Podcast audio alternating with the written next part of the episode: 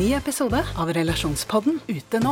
Datteren til en av lytterne våre har klippet av seg håret for å donere det bort, men nå blir hun mobbet for det. Hva kan mamma gjøre? Og hva gjør du når 14-åringen ikke vil ha den kjipe stebestefaren i konfirmasjonen sin? Ta hensyn til konfirmanten eller til mormor. Hør Relasjonspodden gratis der du hører podkast.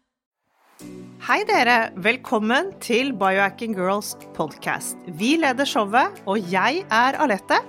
Og jeg er Monica. Vi er gode venner og kolleger, og vi legger sammen våre erfaringer og kunnskap for å inspirere deg til å bli din egen biohacker og optimalisere livet ditt. Vi følger med på ny forskning og trender, og stiller de spørsmålene vi mener er nødvendige. Ja, vi deler informasjon om biohacking, life coaching og fitness, og vi håper at du vil føle deg inspirert og klar til å ta et tak for å komme i den beste helsemessige form. Velkommen til Biohacking Girls podcast. Ja, Monica, da er det torsdag, og vi har gjort en liten recap av Mindy Pelts Fast Like a Girl-episoden som vi sendte på mandag. Bare for at dere lytterne skal få det litt inn på engelsk, og ja, kanskje litt mer pepp av det.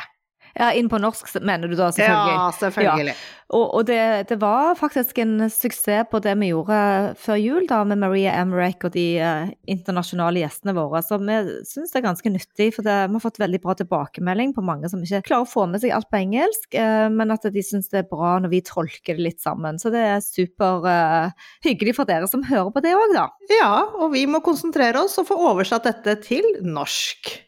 Men i hvert fall Mindy Peltz, hun er jo da lege fra California og var gjesten vår i mandagens podkast fordi hun akkurat har kommet ut med denne fantastiske boken 'Fast Like a Girl'. Fordi hun er vel den første, tror jeg, som har skrevet en som er virkelig beregnet på damer, og hvordan vi må ta hensyn til våre hormoner eh, i forhold til menn. Ja, for det var jo veldig lenge man tenkte at kvinner skal ikke faste, og så vi har ikke egentlig skjønt hvorfor og hva og når. Så hun har samlet all sin erfaring og brukt mange av klientene sine og dette nettverket. Hun har et sånn community eh, med mastertraining, og hun har brukt mange eksempler og snakket med flere leger i tillegg. eh, og virkelig gått til bunns i at kvinner kan faste, men eh, da bestemt litt ut ifra syklusen. Og alt dette snakker hun om på podkasten, så vi skal gå litt igjennom det i dag. Hva hun egentlig tenker om det, og så har vi noen refleksjoner òg selv. Så eh, hun begynte jo bare med veldig enkelt å forklare oss hva hun legger i begrepet faste, og hvor vi skal begynne. Jeg synes det var en veldig fin start. Hun snakket om dette med periodisk faste. At man sakte, men sikkert minsker dette spisevinduet sitt. At man en time senere, en time senere, og til slutt så blir du så vant til det at det går mye lettere.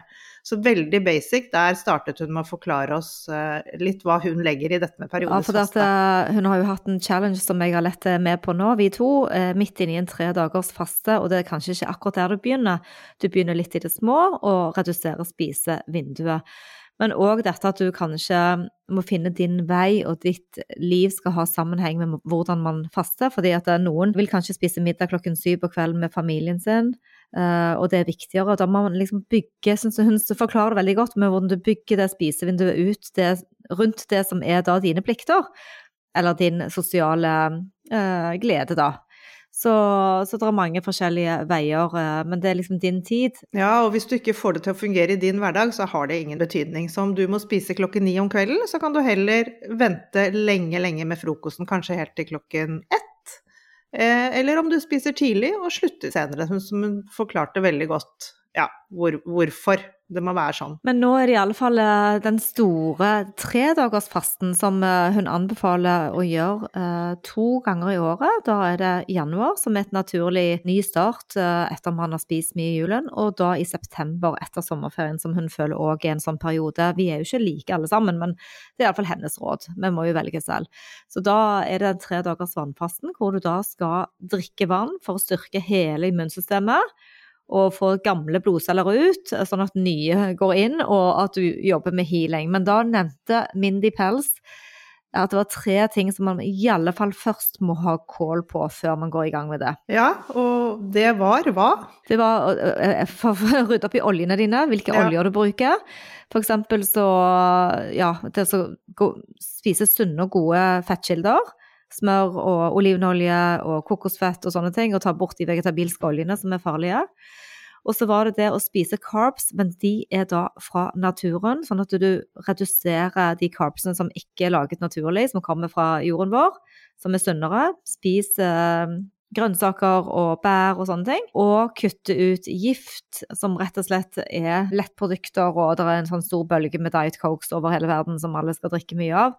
Og sånn kunstig støtning. Få disse tingene ut av kroppen før du da går i gang med en tre dagers faste. Nå er jeg med, ja, selvfølgelig. Og det er lettere, veldig mye lettere hvis alle disse tingene er på plass før man starter denne fasten. Og så går hun jo inn i å fortelle hva som skjer da etter de forskjellige fasene som etter 16 timer. Så vi fat, går vi over i å bli fatburnere. Da begynner disse ketonene å virkelig eh, sette i gang. Og growth-hormonene våre, de vil da senke eh, senke tempoet på aldringen vår. Og så øker testosteronet. Og inflammasjonene går ned. Alt dette skjer allerede etter 16 timer. Og så neste er jo etter 17 timer. Da lager kroppen sterkere celler, og disse vil kaste ut virus. Og autofagien setter i gang den cellereparasjonen. Og dette igjen senker aldringsprosessen vår, og, det vil vi jo gjerne. Og etter 24 timer, da begynner tarmene våre å repareres. Og etter 36 timer så er, ser hun veldig at da skikkelig skyter sånn fatburning-fart på de som er med på fasten. Og etter 48 timer, da blir hele dopaminsystemet vårt reparert, og du blir veldig mye gladere. Og dette kan hjelpe veldig på folk med depresjoner og angst og sånne ting. Og så er vi jo da på 72, som vi kommer til eh, etter hvert. Da har du vært tre dager på faste. Da har du rebootet i grunnen hele immunsystemet ditt. Så det var jo kult. Ja, jeg liker veldig godt det en snakker om i forhold til eh, dopamin òg, fordi at eh, en sånn faste runde er Det er ikke bare ned i vekt eller rensing i tarmsystemet og hele kroppen vår, det er en liten sånn reise innover og tenke over maten og hvordan vi spiser, for at eh, vi er jo veldig styrt, sånn som på det webinaret hun holder òg, veldig styrt ut ifra amygdala, fight or flight. Når, når kroppen er sulten, så må du ut og finne mat, og du må rydde opp med en gang, og det er akutt, og vi blir helt satt ut. Men vi er ikke der ute på, på markene nå lenger at vi trenger å finne mat for å overleve. Vi har mat overalt. Og så sier hun da at det er å flytte disse tankene fra amygdala fram til frontallappen og stille spørsmål, og det syns jeg var veldig, veldig fint. Still de spørsmål som får deg inn i tankeprosessen hvis det begynner å bli vanskelig, du kjenner at, det, at uh, sulten tar overhånd. Still spørsmål om f.eks. hvorfor spiser jeg, eller hvorfor, uh, hva skjer med kroppen min når den får mer ketoner. Prøve å bli mer sånn i ett og skjønne litt, og det, det kan òg reparere litt av det negative spisemønsteret vi har når man kommer inn i den fasen der, så da skjer rundt 48 timer. Og, så alle disse fasene du snakker om, Alette, de har sin forskjellige healing-prosess. Mm, jeg jeg syns det var kjempekult. Hun snakker faktisk på det webinaria om dette her med at du forandrer forholdet ditt til maten du spiser. Fordi i og med at jeg nå er midt inne i denne fasten, så kjenner jeg jo på hvor glad jeg er i mat, og hvor stor del av livet det er. Og det der at du ja, fristiller deg fra det, da. Det går jo helt fint, det går litt opp og ned, men det er å stille de spørsmålene hvorfor, og jobbe med seg selv. Veldig kult. Ja, jeg tenkte jeg kunne bare si òg at uh, det er noen kategorier mennesker hun liksom da anbefaler å ikke faste.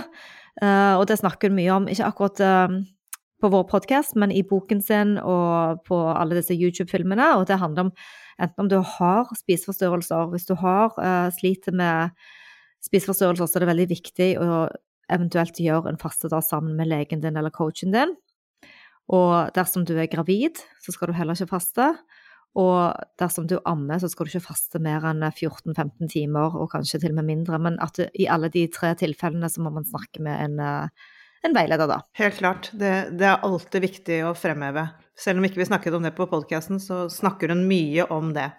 Men 72 timers faste er jo ganske heftig for mange. Og det jeg da digget med Mindy Pels, var at hun har jo selvfølgelig sånne hacks for å komme seg gjennom, eh, gjennom disse dagene. Jeg har brukt det flittig, og hun forteller da at det å spise fett, gjerne smør, fløte, fatbombs, MCT-olje, litt sånn nøttesmør, avokado eller sånn kraft, at det kan hjelpe. Hun er liksom ikke sånn 'Å nei, da er du ferdig å faste'. Da hun er Alle skal med. Og det der å mestre de tre dagene tror jeg er viktigere i begynnelsen enn at det blir så veldig riktig at det bare er det vannet. Så jeg må si jeg har brukt mye smør og fløte i kaffen de, jeg har prøvd å ikke drikke så mye kaffe, men det lille jeg har gjort, og det hjelper jo veldig. Og så holder man seg i ketose. Så hvordan har en dag sett ut hos deg da, Alette? Det har sett ut sånn at jeg har stått opp, og så har jeg begynt med vann. Som jeg alltid gjør. Og så har jeg drukket kaffe. Og da har jeg puttet oppi to spiseskjeer med smør og litt fløte. Og så har jeg drukket det, og det har holdt frem til eh, klokken tolv ca. Og da har jeg gjort det samme igjen. Masse fløte og smør. Og så må jeg bare helt ærlig innrømme at jeg har tatt en, en skje eller to med smør sånn utpå ettermiddagen og rett før jeg legger meg. Ja, det er vel ikke noe å innrømme, det var vel det som var de gode heksene våre. Ja. Så det er jo kjempefint å få, å få belyst dette, uh, at det er ikke så vanskelig, da. For jeg har gjort det samme, bortsett fra at jeg har tatt uh, to spiseskjeer med nøttesmør, hjemmelaget da, sånn at det ikke er tilsatt noe tull.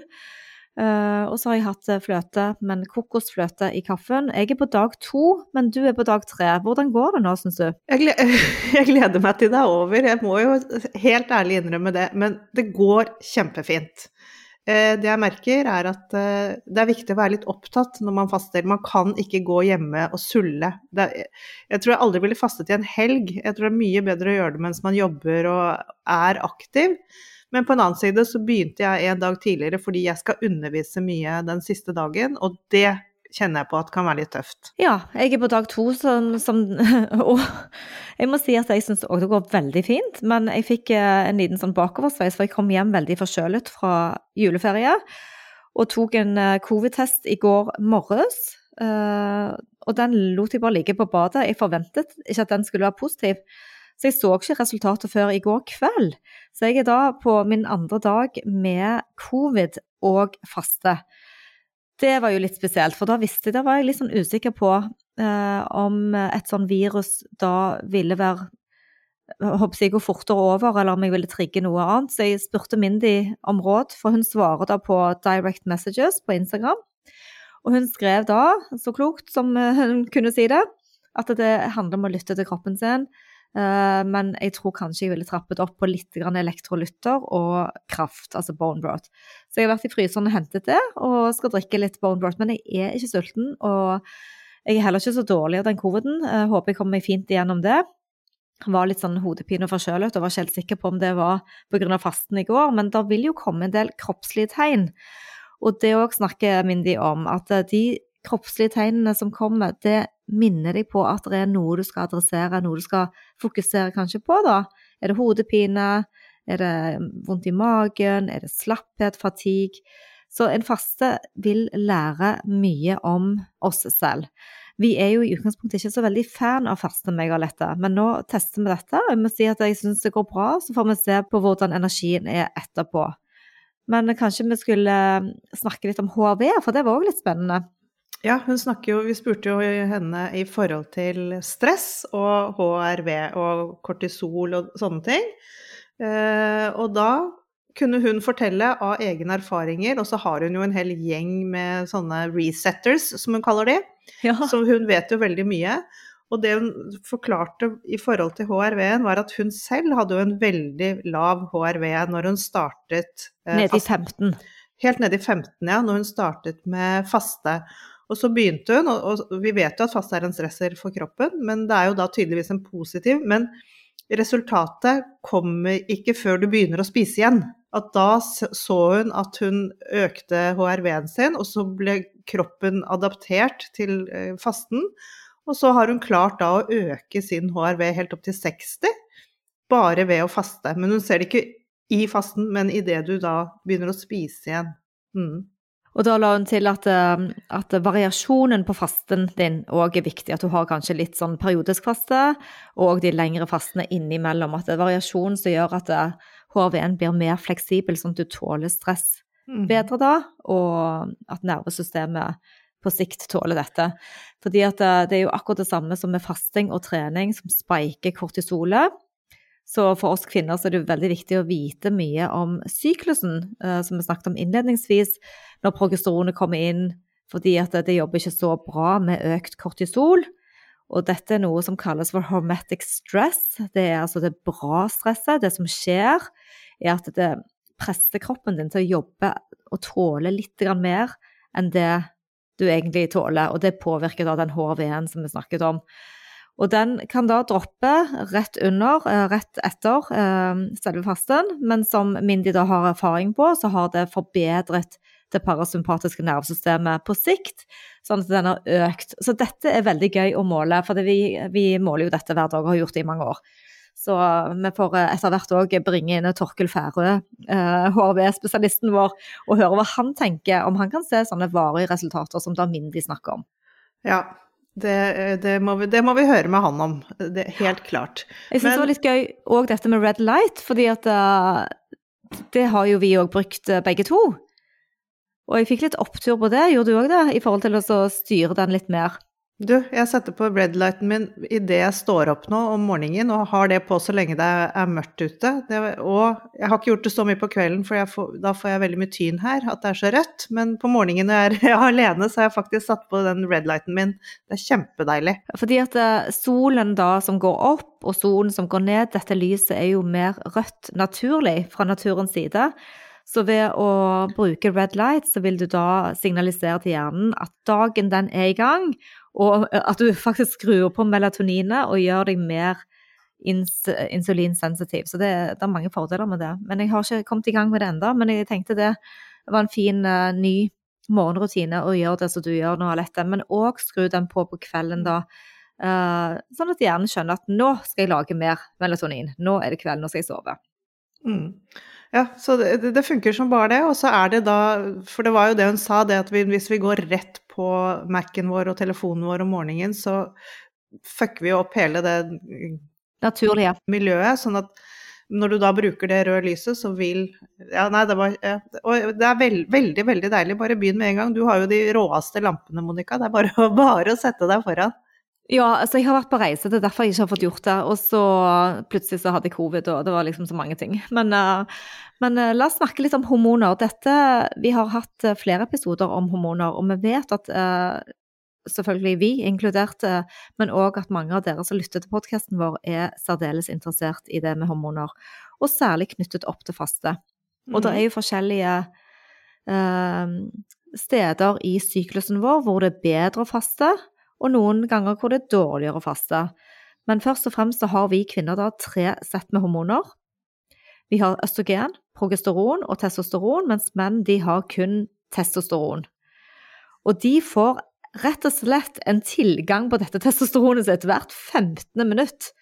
Altså 24-7 eh, i løpet av et døgn. Og det har jo ikke vi kvinner. Vi får det kun i den eggløsningsperioden vår, som da er rundt dag 10 til 15. Så vi kvinner vi får kun testosteron rundt eggløsningen. Uh, og ja, det er jo ikke det samme hos menn, for de, deres testosteron det, det, går opp i hjernen og konverterer til østrogen. Men hos kvinner så er det alle disse tre hormonene er produsert i eggstokkene, og helt til vi kommer i overgangsalderen, så da blir de produsert i binyrene. Så de kommer fra organene våre hos kvinner. De blir ikke konvertert fra hjernen sånn som de gjør hos menn. Så det er jo en ganske stor forskjell på oss når det gjelder bare hormonutgangspunktet vårt i forhold til faste og i forhold til alt. Veldig stor forskjell. Og det er faktisk veldig viktig at vi som kvinner tar litt grep om denne menstruasjonssyklusen vår, setter oss inn i den, det er så mye vi kan lære av det. Mindy snakket jo om det at hun begynte å trekke menstruasjonssyklusen sin langt oppe i 40-årene, og at vi ser jo nå at nå er det selvfølgelig mye flere apper og sånne ting som man kan sette seg ned og trekke skikkelig. Som ikke vi hadde når vi var unge, vi bare levde der. Men eh, det er veldig lurt å sette seg inn i hvordan denne fungerer i forhold til hormoner og når du skal faste, når du ikke skal faste, hva du skal spise. Som du sier, vi går på en 28-30 dagers syklus med våre hormoner som kvinner. Den første perioden er jo da dag én, det er første dag med blødning, til dag 10-12. Det er første Og da kommer da dette østrogenet inn. Og da er kroppen veldig klar for å ta imot både faste, tøffe treningsøkter. Vi er litt sånn superdamer når det gjelder akkurat da. Kan du holde på med lavkarbo, ketodietter, alt dette. Vi tåler det kjempefint. Ja, du tåler lavt insulin, du tåler lav glukose og tøff trening. Altså, man tåler rett og slett kortisolspiken der. Ja, absolutt. Og så neste fase, det er eggløsningsfasen. Den er jo da dag 12 til 15. Og da begynner det å sive inn litt progesteron. Gjør det ikke det? Jo. jo. Men vi er fremdeles ganske superpower i, Ja. denne, i, denne, i denne fasen. Men allikevel så her bør vi vel legge til litt mer eh, glukose i kosten vår, fordi for å booste den progesteronen. Um, og vi har en, rett og slett en hormonell superpower rundt eggløsning. Og så er det en periode hvor vi bør være litt sånn snille mot leveren vår også, ta litt godt hensyn til den. Så kanskje ikke faste Vi kan fortsette litt med fasten, men ikke så mye her. Ja, kanskje til og med òg den tiden eh, man snakker om at man ikke drikker så mye alkohol fordi at eh, man skal hjelpe leveren å bryte ned disse hormonene istedenfor å ja, gi giftstoffer til leveren. Og så er det da fra dag 15 til 16 hvor hormonene begynner å synke litt. Og da kan vi gå tilbake til litt faste igjen og litt sånn keto-kosthold. eh, Før vi kommer inn i den eh, fasen på dag 19 til 20. Da er det progesteronen som kommer inn som en kule. eh, Og den vil vi veldig gjerne ha. Så da er det ikke noe faste, og vi må prøve å få opp dette glukosenivået vårt igjen. Og spise mer karbohydrater. Vi trenger det. Ja, Mindy sa jo selv at hun spiste da mer naturlige type søtpoteter og rotgrønnsaker og sånn i den fasen der, da. Eh, For Ja, hun, eh, me- hun mener jo ikke godteri er- og sukker. Real food. Men du nevnte, Alette, disse appene, da. Jeg har brukt en app som heter Flow, FLO. Men eh, jeg lurer på nå, for jeg har akkurat lastet ned den Fast Like a Girl-appen. Den ser veldig kul designmessig ut. Men jeg tror ikke den er helt aktiv ennå, for jeg klarte ikke å trykke på noen knapper. Den virket å være gratis foreløpig. Det kan hende at Mindy Pels eh, oppdaterer den til at det blir en betalingsløsning. Men den var superfin på designet. Så den gleder meg virkelig til å gå inn og tracke derifra. Jeg syns hun var ganske tidlig ute, for jeg begynte ikke å tracke dette før for eh, ja, fem år siden eller noe sånt. Så, men i alle fall alle disse fasene som vi snakker om nå, hun sier det så fint, manifestasjonsfasen. Det er liksom den, eh, den fasen der når, eh, når progesteron er på topp, og du kan få en sånn hormonell boost, du kan være kreativ og skape ting. og men eh, man skal legge merke til humørendringer humør, endringer og fysiske tegn som skjer i den fasen, enten før menopause, underveis eller etter. Og, både sånn angst og uro kan jo være tegn på at du har lavt med progesteron. Så det er viktig å lære mye om det, ikke bare i forhold til syklusen, men òg i forhold til din mentale helse. Og hun sier jo òg at dette med østrogen alle har sikkert opplevd at håret blir litt mer sånn frizzy, og du får flere rynker og tørrere hud, og kanskje tørr vagina, du får eh, hetetokter, mange ting som gjør at eh, at, eh, at østrogenet dropper. Og det hun sier som er så fint, at lytt til denne kroppslige beskjeden din, for det er et tegn på at eh, østrogenet trenger hjelpen vår. Så hva gjør man da hvis østrogenet er på vei ned? Jo, man spiser mer keto og har lengre faster for å øke dette naturlig. Det er jo helt utrolig at vi faktisk kan, bare ved faste og spise og time dette riktig, kan eh, balansere hormonene våre så nøye. Og hun var utrolig flink til å forklare ja, de forskjellige fasene hvordan vi skulle gjøre det. Og så hadde hun jo så mye sånne kule tips, sånn at hvis du skal løse konflikter, så må du gjøre det under eggløsningen, for da er du skikkelig superpower, og ikke snakk til meg den uken her, for da da er det alt i surr. Og da, det var veldig gøy å høre på alle, alle rådene hennes rundt hvordan vi virkelig kan bruke menstruasjonssyklusen vår aktivt, vil jeg si. Til Ja, å få og det beste. bruke månen. Ja. Månen også, det var, men det var vel mer hvis du ikke Hvis du var i gang med å skulle trekke og ikke var helt eh, bevisst hvor du var, så kunne du bruke månen som en, et utgangspunkt og sjekke at syklusen din faktisk går rundt månen. Tilbake igjen til de naturlige eh, Mm. måtene man håndterte sånne helsemessige utfordringer på eh, når man hadde menstruasjon i gamle dager. Men jeg syns òg det var interessant i forhold til dette med eh, hormontilskudd, da. Eh, som sikkert mange har hørt tidligere, så bruker jeg da disse progesteron og testo og østrogen, estradiol, gelé, krem. Eh, men hvor viktig det var da å fortsette opptil fem år etter du har mistet menstruasjonen, da. Og du skal liksom bli med. Hun sa dette med i forhold til Alzheimer òg. Fikk du med deg det? Det fikk jeg med meg. Veldig interessant. Så det er viktig, si- i den, vi- viktig i den der overgangsalderfasen at man eh, faktisk passer på hormonene sine. Og så er hun jo en blodfan av Dutch-testen. Hun mener jo at den bør vi faktisk ta en gang i året for å sjekke, og særlig i forhold til Alzheimer. Det er jo kjempeviktig at hormonene det- våre har så mye å si. Ja, og det er en kostbar test, så vi skjønner jo at ikke alle har råd til å ta den, men det er Inntil nå så tror jeg det er den mest eh, breddekkende hormonprøven du kan ta for å forstå hele bildet. Så vi skal virkelig, Alette, bare fordype oss mer og mer i hormoner. Det er så viktig i forhold til den totale helsen. Men det er jo òg veldig deilig å tenke på at vi kan faste. Det kan vi. Absolutt. Ja. Men du, skal vi ikke snakke litt helt til slutt eh, om eh, hvordan man bryter fasten, da? For det det òg er jo noe vi ikke akkurat diskuterte på podkasten. Men Alette, du og meg har jo vært veldig opptatt av å lære bort hvordan man bryter en faste som er kortvarig, da. Mer enn sånn eh, 16-18 timers, hvordan man går i gang, hva man tilfører kroppen av ingredienser. eh, Eller eh, hvordan man bryter den i det hele tatt. Hva er Mm. dine gode tips der? Jeg vil si at uh, i hvert fall en sånn tredagersfaste, såpass lenge, så, såpass mye som har skjedd i kroppen, så har du kraft, så vil jeg si at det ville jeg hatt som første måltid. Drukket uh, en god kopp med kraft, og så kjenne litt på det. Og så fortsette med litt sånn lett uh, fordøyelig mat, og ikke noe sånn store, tunge ting. Jeg ville, jeg ville absolutt gått for noe lavkarbo og litt sånn rolig mat. Ja, fordi at eh, jeg tenker òg at eh, nå har jo jeg brukt litt kraft på min faste, eller det skal jeg gjøre nå den siste dagen, så, så da vil vil jeg tenke at en god proteinkilde ville vært bra for meg å bryte fasten med. Eh, Et stort stykke med fisk og litt polyfenoler og grønnsaker som er fulle av polyfenoler. At det kunne vært en god vei.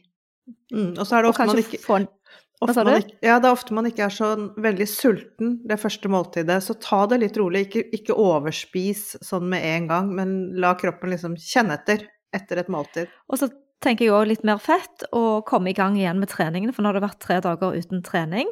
Vi har uh, lyttet til Mindis råd om å la kroppen få lov til å være i sin eh, healing-prosess, kjenne litt etter hva som skjer. Så bli klar for trening igjen, eh, for vi trenger muskler. Og jo eldre man blir, eh, og særlig hos kvinner, vi trenger muskler. For det er Hva er det hun kaller det? Hun Gabriel Lyon, Leon. Hun kaller det for um, uh, long, longev longevity organ. organ, ja. Så, så 30 gram med, med en god proteinkilde, og da får du masse aminosyrer. Det tror jeg er en god uh, start. Ja, hun snakker faktisk om aminosyrer i forhold til fasten også, at man kan faktisk spise, aminos, eh, spise eller drikke aminosyrer mens du faster. Autofagien kan forsvinne, men det varer gjerne bare sånn 30 minutter, og så er du på igjen. Ja, ikke sant? Så det er supert, og du vil få litt energi hvis du tar aminosyren i tillegg. Men da lurer jeg sånn helt til slutt, Alette, har du målt ketonene dine i denne fasen? Det har jeg, og for å si det sånn, jeg er litt skuffet. Jeg har ikke vært mer enn på 22 på tone-devicen. Og det, mine har vært på 8 og 10. Jeg skjønner det heller ikke helt, men jeg, jeg vet ikke om det er nøttesmøret. Nei, jeg, eh, hvor mye karbohydrater kan det være i fløte? Det er jo ikke mange. Nei. Så jeg, så jeg vet ikke. Jeg er jo mye høyere til vanlig, så kanskje jeg har noe sånn glukose som kroppen jobber med etter julen. Jeg vet ikke. Fordi at det òg er et lite poeng her at det kan hende at man tømmer ganske gamle lagrede ting som lagrer seg i musklene, i fettet og organene. Glukose, altså. Som da får forsvinne ut på denne 72-timers-fasten. Men da håper vi at dere der hjemme har lyst til å teste faste. Ta notater, mål gjerne med en eh, CGM, altså en eh, kontrollert eh, glukosemåler Mm. eller en keton-device, den du har. Eller bare kjenne etter, men òg kanskje helt til slutt sette en liten sånn intensjon med denne fasten. At du velger deg en tanke. Hvorfor, hvorfor gjør du det, det, du gjør? Er det fordi at du har lyst til å gå ned i vekt, eller har du lyst til å bare forstå kroppen din bedre, kjenne den bedre? Jeg har iallfall gjort meg noen tanker. Har du gjort det, eller dette her på tampen her? Jeg har gjort meg noen tanker. Det har jeg, selvfølgelig. Du, du kan nesten ikke la være, føler jeg. Nei, så jeg vil iallfall dele hva jeg har tenkt på, og det handler om å utvide alt jeg har lært, til et større perspektiv. Nå høres dette veldig sånn uh, flåsete ut, men alt, uh, alt, som jeg har lært om alle målinger og kroppen min, og se hvordan det kan ha effekt uh, i livet mitt med menneskene rundt meg. Og bare se om jeg har en påvirkning, om jeg kan sende ut gode intensjoner og ja, manifestere gode ting. Og det var jo veldig nydelig, da. Hæ? Sånn skal det være. ja, skal vi Takke for følget. Tusen takk for følget. Så inntil vi høres igjen, ha en nydelig uke. Ha en fin uke.